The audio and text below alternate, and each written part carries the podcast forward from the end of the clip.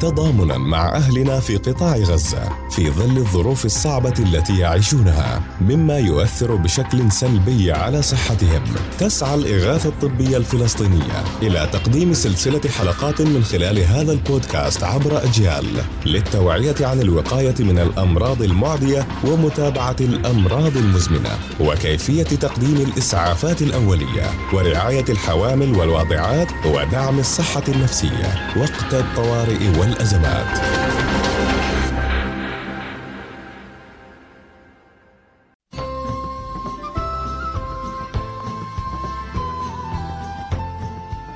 تعيش نساء غزة منذ السابع من أكتوبر الماضي أوجاعا لا تنتهي ولا تحتمل ولا يمكن أن نتخيلها. جعلتهن عرضة للاضطهاد والقهر العرقي بصورة متعددة على أيدي قوات الاحتلال. اختبرنا أبشع أنواع الألم والقهر والفقدان. فشوهت حواسهن واخترقت أجسادهن ودمرت أيضا ذكرياتهن. وانتزعت الاحتلال أو انتزع الاحتلال منهن أبسط أنواع الأمم أو الأمومة. هناك قليل من الأماكن التي يمكن أن تلجأ لها أمهات غزة للحصول على العون في القطاع والذي مزقته الحرب. الأمهات في غزة بدون أي دعم أو رعاية للأطفال ومع قلة وفرة كتيبات الرعاية وتربيات الأطفال هذا الإحباط والغضب واليأس قد يتم توجيهه كله إلى الطفل والأم فينتج عنه آثار كارثية. حول ذلك نتحدث مع الدكتورة خديجة جرار مستشارة الصحة الإنجابية آه، في الإغاثة الطبية. مرحبا بك معنا. أهلا فيك وفي المستمعين. يعني بداية عندما نتحدث عن هذا الواقع المرير التي تعيشه الأم آه، في ظل كل ما يحدث في قطاع غزة كيف لها أن تقوم برعاية طفلها والتوفيق ما بين وضعه النفسي وحاجته أيضا إلى الغذاء وما بين الكارثة التي لا تزال مستمرة حتى هذه اللحظة؟ آه، يعني العملية كثير صعبة و يمكن كثير صعب إنه نحن نوجه إرشادات للأمهات في غزة إيش اللي لازم يعملوه؟ لأنه آه، اولا إنهم يقعدوا يستمعوا إلى راديو أو إلى غيره. هذا نوع من أنواع الرفاهية اللي ما أظنش هي موجودة حاليا آه، عندهم. وأنا حقيقة يعني كثير صعب علي وأخجل إني أقعد أوجه آه، نصائح للأمهات في غزة. وهو الهدف الرئيسي هلا أمام النساء وأمام كل الشعب في غزة إنهم يتجنبوا القصف إنهم يعيشوا. آه، يعني هذا هو الهدف الرئيسي. على كل حال يمكن آه، أنا باللقاءات الأولى قلت إنه أنا بدي أتحدث أكثر عن إيش إيش بإمكانه الواحد يعمل استعدادا آه، لظروف طوارئ. آه، لأنه الحقيقة إذا بدي أحكي عن الجانب النفسي وإيش بدهم يعملوا أنا بفضل إنه أخصائي نفسي يحكي بهذا الموضوع وأقدر مني على ذلك. آه، فلو سمحتي لي إني يعني أحور شوي بالسؤال ممكن؟ بكل تأكيد. آه أوكي. يعني أنا حابه انه آه، كمان يستفيدوا الأمهات اللي آه، حاليا موجودين بالضفة الغربية من هذا الحكي هلأ على غزة نحن عملنا قبل ما تبدأ الحرب بسنوات عملنا بعض الاستعدادات وحكينا وعملنا توعية وما إلى ذلك وشفنا إنه الاستفادة كانت قليلة بسبب حجم الإجرام اللي وقع على شعبنا في غزة. آه ف آه، يعني كنت حابه إني هلأ أوجه رسالة للنساء بالضفه آه كيف إذا هم آه، صار عندهم عملية الولادة وكانوا موجودين لحالهم وصعب عليهم إنهم يوصلوا للخدمات آه، الصحية؟ آه، أول شيء إنه يعني لازم كل ست تعرف إنه عملية الولادة هي عملية طبيعية. وهي العامل الحاسم الأساسي فيها هي الست نفسها مش مقدم الخدمة. مقدم الخدمة في أوضاع معينة حاسم وأساسي في إنقاذ الأرواح. لكن في عملية الولادة الطبيعية الأم نفسها هي الأساس. مقدم الخدمة هو بده يساعدها في تلقي هذا البيبي اللي هي أنجبته بقواها الطبيعية اللي الله خالقها عليها. آه فلازم آه يعرفوا إنه عملية الولادة مش يعني فجأة بدها تطلق وبتصير الولادة ولكن هي بتستمر لساعات. هذا بعطيها مجال إنه تعمل بعض الشغلات وتتفقدها وإذا بدها تتصل في القابل إذا في متوفر قابل إنه تتصل فيها. وهذا الكلام مهم جدا خاصة للأمهات اللي بيجربوا الأمومة ممكن للمرة الأولى وكمان حتى في قطاع غزة الأمهات اللي مش عارفين يوصلوا لمراكز صحية كمان هذا الشيء ممكن يدعمهم.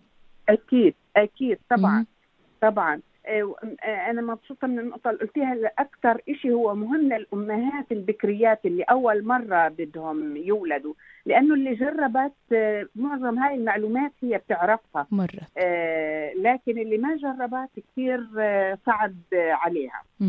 آه لأنه عملية الولادة بتقعد فترة طبعا زي ما قلنا بالأول وإنه في علامات لبدء الولادة. إذا شافت هاي العلامات تعرف خاصه البكرية تعرف إنه هي دخلت عملية الولادة.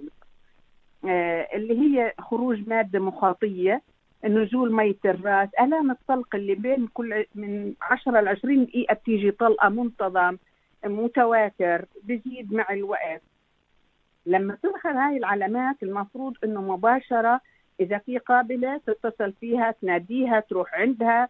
إذا ما فيش زوجها موجود إمها موجودة حماتها موجودة أو جارتها موجودة. كثير مهم تلاقي حدا. إذا ما لقيت حدا هي لازم تعرف إنه هي بتقدر تساعد حالها. تخلص نفسها. تتأكد إنه في عندها بعض الأدوات اللازمة. ونحن حكينا الحلقة السابقة إنه لازم النساء يحضروا حقيبة للولادة الصغيره واللي حتى لو هن هاربين يحملوها معاهم.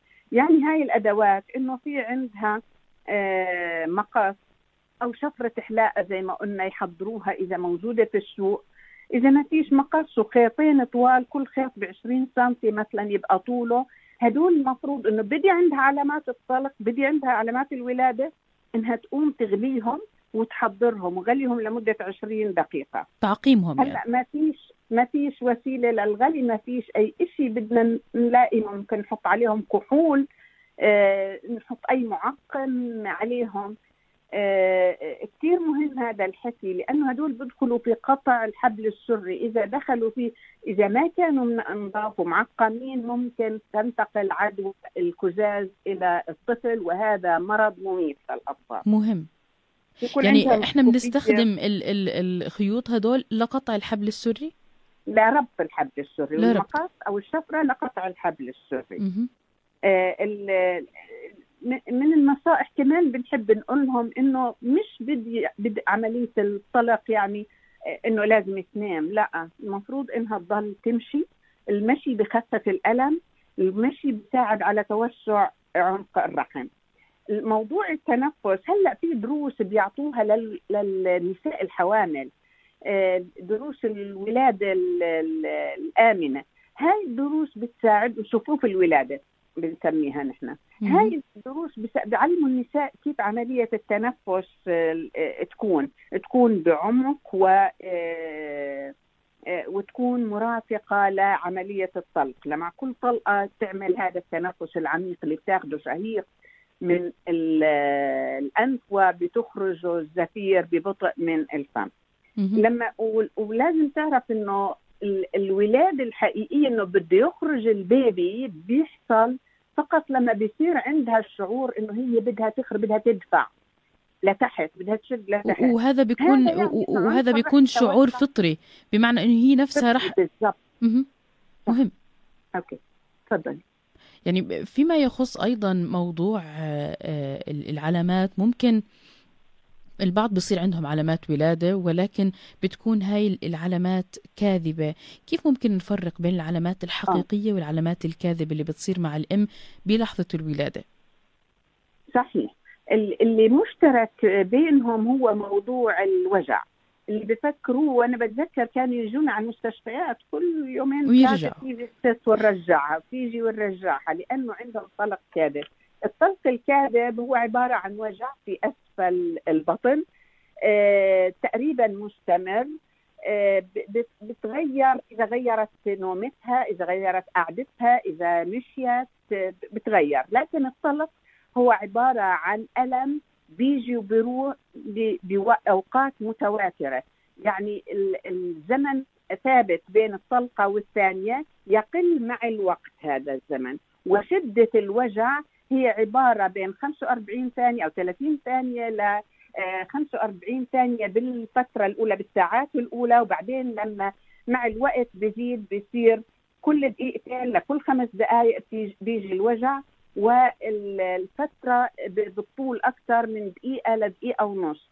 هذا التواتر في الوجع مش م... يعني هذا حقيقي لكن إذا كان الوجع ثابت وفي أسفل البطن بوديش على الظهر ما بضرب على الظهر هذا الوجع عادة هذا بيكون آه، طلق كاذب. لكن إذا كان هو بيجي بفترات متساوية تقريبا ويزداد وما ما بتغير مع المشي أو تغيير الوضع آه، في النوم أو في القعدة هذا بيكون هو الطلق الحقيقي. طيب تحدثتي تحدثتي عن فكرة إنه لازم نمشي بحال اللي كان في طلق علشان يكون في دفع. في حال بالفعل صار في دفع وإحنا بنحاول نستثمر الوقت حتى يستفيدوا آه، الأمهات المقبلات ونتمنى أن تكون ولادتهم سالمة. ولكن في حال بالفعل كانت المرأة لحالها وبلش هذا الدفع اللي تحدثتي عنه شو الخطوة اللي بعدها؟ قلنا إنه إحنا بنتنفس.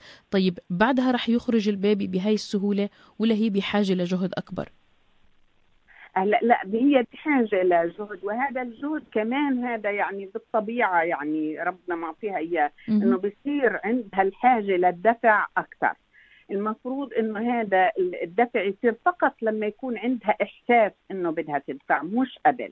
ولما إذا هي كانت موجودة لحالها وما فيش أي حدا بإمكانها تختار ركن مكان هيك اللي يكون مناسب اللي تسند ظهرها آه، له وتحاول هي تساعد حالها وجلوس القرفصه وتن الرجلين. هذا هو أفضل وضع لحالة الولادة مش الاستلقاء على الظهر. حتى بتقدر هي لما يطلع هو البيبي في النهاية رح يطلع رح يطلع لحاله. لكن إذا بتساعد حالها وبتمسك الراس لما يطلع علشان ما يسقط البيبي وبتقدر هي تمسكه. أو تحط آه شيء ممكن آمن تحتها حتى لو اندب على الأرض ما يكون على شيء صلب. هي إذا هي قاعدة هو راح يسحل يعني يسقط عادي. هي إذا كانت واقفة بنخاف إنه يسقط من منها ويتآذى. لكن إذا كانت قاعدة آه وقرفصاء أو شيء ما راح آه، آه، يسقط يعني كليا. هي بتقدر كمان تمسكه بإيديها. آه، لما لما بيخرج البيبي إذا عندها جنبها أي شيء تحطه عليه تلفه فيه مباشرة. قبل ما تفكر بقطع الحبل السري. الحبل السري ما بينقطع مباشرة. بنستنى ليروح النبض اللي فيه ويصير لونه أبيض. طب دكتورة ليش آه لازم نلفه مباشرة؟ اللف مباشر يعني نشفه آه ونحط عليه كوفليه وإذا ما عندها أي شيء تحطه على تحطه في على جسمها لأنه بنخاف من البرد. البيبيات هدول تنظيم الحرارة في جسمهم في دماغهم لسه مش ناضج مش موجود. فهن أي آه، برودة عليهم مش شرط يكون الجو بارد وشتاء علشان يموتوا من البرد. بيموتوا من البرد إذا بقيوا مبلولين بتبخر هذا السائل اللي عليهم وبيسحب كل الحرارة منهم فبيبرد جسمهم ودمهم وبموتوا. والرأس كثير مهم تنشيفه لأنه الرأس هو بشكل أكبر مساحة من جسم البيبي. وإذا بيجي مبلول هو كمان بصير تبخر من الرأس وتنخفض درجة الحرارة بسرعة وممكن البيبي إنه يروح. وفي حالات نحن في المستشفى وفقدنا بيبيات لأنه يصير مضاعفات عند الأم كلنا الطاقم الطبي يركز على الأم ينسوا البيبي والبيبي خلال دقائق يعني 30 نص ساعة أو أو ساعة يكون راح لأنه تركوه مبلول ومش منشف. طيب بيموتوا الأطفال من من البرد. آه، إذا كانت لحالها تحطه على صدرها مباشرة على. على بطنها وهو بطبيعته بصير يدور بده يرضع البيبي. فهي لازم رضع ترضع يعني معنا في معنا دكتورة إحنا بنعتذر إنه معنا أقل من دقيقة ولكن في الأقل من دقيقة هاي شو ممكن نعطي نصائح مهمة بعد الولادة؟ آه، بعد الولادة مباشرة إنها تحطه جنبها تدفيه وتحطه إذا ما كان عندها ملا... على البيبي ملابس نهائيا تحطه في عبها المهم تدفيه. تخبيه مهم. تدفيه بالضبط. وترضعه مباشرة آه، وتحاول إذا قدرت تعمل مساج لبطنها علشان النزيف آه، يقل آه، هاي شغلات أساسية يعني لازم يعرفوها كل النساء نعم. في شغلة كثير حابة أقولها مي أقولها إنه في نساء ممنوع يولدوا في البيت ولا في أي مكان هدول ما في أمامهم إلا المستشفى اللي هو النساء هلأ كلهم الحوامل بيعملوا ultrasound وكلهم بال ultrasound بيقولوا لهم وين وضع ال- المشيمة وكلهم بيقولوا لهم إيش وضع ال baby نازل را- راسه لتحت رجليه لتحت أو بالعرض. الست اللي عندها ال baby بالعرض يستحيل إنها تقدر تولد طبيعي.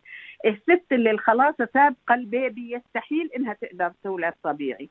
هدول الحالتين اساسيات إنها تحاول توصل وتروح للمستشفى بأي وقت طالما دخلت الشهر التاسع تروح للمستشفى لأنه ممكن أنهم يولدوها ولادة قيصرية. شكرا جزيلا آه. لك دكتورة. يعني داهمنا الوقت وبنتمنى السلامة والولادة الآمنة لكل النساء في كل الأرض وخاصة في قطاع غزة الذي يواجه الحرب لليوم الثامن والسبعين تواليا. شكرا لك دكتورة خديجة جرار مستشارة الصحة الإنجابية في الإغاثة الطبية.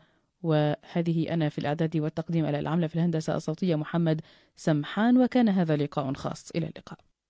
كنتم مع واحدة من سلسلة حلقات هذا البودكاست لجمعية الإغاثة الطبية الفلسطينية عبر شبكة أجيال للتوعية عن الوقاية من الأمراض المعدية ومتابعة الأمراض المزمنة وكيفية تقديم الإسعافات الأولية ورعاية الحوامل والواضعات ودعم الصحة النفسية وقت الطوارئ والأزمات مع أمنياتنا بالصحة والسلامة لجميع أهلنا في قطاع غزة.